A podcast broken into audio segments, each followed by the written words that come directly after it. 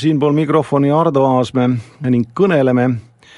sellel nädalal erinevatest maailma kriisikolletest. Ja olgu siinkohal öeldud, et selle põhjuseks on asjaolu, et enamasti kriisid näevad justkui ühtemoodi välja,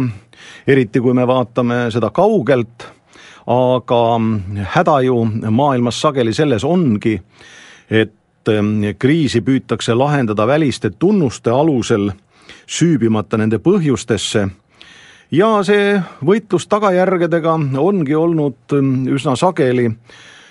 üsna ebaõnnestunud ja kallis ning seetõttu on meil põhjust rääkida ikkagi eelkõige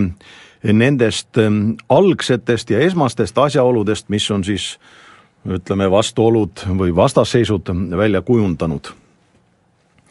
Ja meil on põhjust rääkida Taist teatavasti Tai on selline riik, kus pärast tuhande üheksasaja kolmekümne teist aastat, kui kehtestati konstitutsiooniline monarhia, on olnud üheksateist sõjaväelist riigipööret, millest kaksteist on ka õnnestunud ja osa on õnnestunud osaliselt. seal on kujunenud välja sisuliselt kolmikvõim, ühelt poolt kuningavõim, mis on justkui nõrk, teiselt poolt siis armee kelle roll on mõnes mõttes rahvusülene ja kolmandaks on siis äh, demokraatia või mittedemokraatia, see on siis äh, parlament ja valitsus. mingil viisil on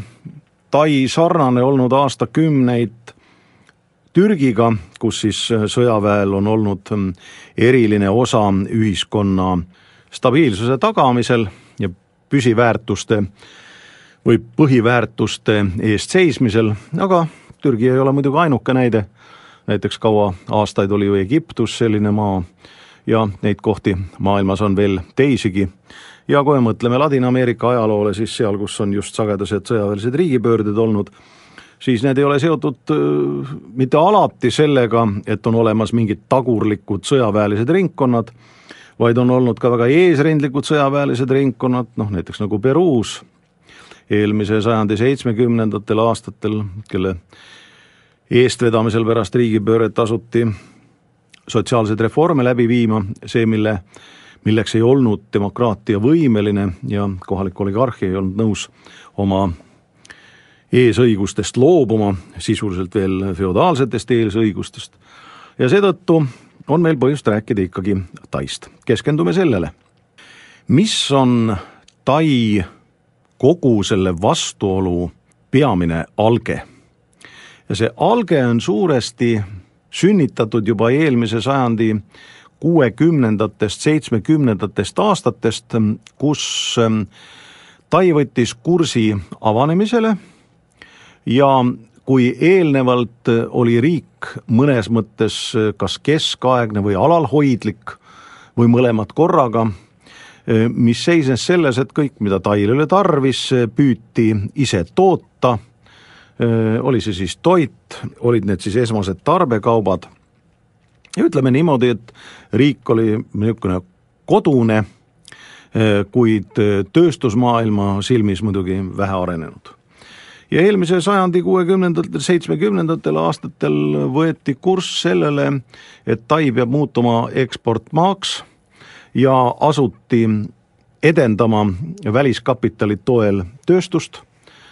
ja saavutati muljetavaldavaid tulemusi ja tõepoolest Tai oli siis õmblustööstus, oli see metsa- ja puidutööstus, sealt algas siis ekspordile orienteeritud majandus ja tänasel päeval võib öelda, et, et ka Tai on üks suurimaid riisi eksportijaid, sest Tai looduslikud tingimused võimaldavad kasutada hulgaliselt kõlvikuid riisipõldudeks, kuid sealt kiirest arengust ja ekspordile ning maailmaturu avatusele orienteeritud majandusest tegelikult sündis üks ähm, teine nähtus, äh, mis oli selle protsessi pahupool, kui maailma rahandusorganisatsioonid hindasid Tai arengut igati soosivalt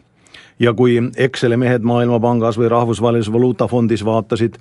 kuidas kasvab sisemajanduse kogutulu, see on enam-vähem sama lugu, kuidas hinnatakse Eestit, siis see on juhtumil, kui käsitleda Taid tervikuna. Kui aga vaadata Taid regionaalselt, siis juhtus Tais pikaajaliselt enam-vähem seegi, mis on Eestis juhtunud, et rahvuslik rikkus hakkab koonduma pealinna kasuks. Ja tänasel päeval võib öelda, et sisuliselt ähm, pealinna Bangkoki ümbruse ja ääremaade sisemajanduse kogutulu vahe on kaheksa-üheksa korda. erinevalt Eestist on aga äh, Tais nendel äärealadel väga palju rahvast seal on peaaegu pool rahvastikust ja täiesti selge, et selline nõel kotis ei püsi ja kui me mõtleme eh, teatud mõttes ka sellele, et eh, Tai sisemajanduse kogutulu on enam-vähem sama, mis Puna-Hiinas ehk Hiina Rahvavabariigis, ja Hiina Rahvavabariigis on muide need vahed täpselt eh, sama suured või need erisused on kärisenud sama suureks, siis võib arvata, et Tai, mis on kogu aeg kõikunud sõjaväelise valitsemise ja demokraatliku valitsemise vahel on võimaldanud avalikke proteste, mis on sünnitatud sellest ebavõrdsusest ja võib-olla ka ebaõiglusest, siis Puna-Hiinas need praegu lahvatanud ei ole, küll aga võib öelda seda, et Puna-Hiinas on mingil viisil sama olukord, aga kuna seal maa on ikkagi kordades suurem, siis Hiinas väidetakse, et aastas on toimunud seal või tähendab, kahe tuhande kolmeteistkümnendal aastal on toimunud üle kolme tuhande vastuhakku sedalaadi ebaõigluse vastu, see on siis seotud nii korruptsiooni kui ka maade ebaseaduslike äravõtmiste ja kõige muuga, mis sinna juurde kuulub, kuid selle alge on ikkagi see, et miljardi Hiina on vaesuses, on ääremaa ja siis ühe koma kolmest miljardist hiinlasest siis kolmsada miljonit on need, kes on siis annavad nagu selle sisemajanduse kogutulu kasvu, selle suhteliselt öö, hea keskmise, kuid öö, Hiina ise, Hiina ühiskond hakkab selle all kannatama. ja Tais on viinud see siis suurtele vastuhakkudele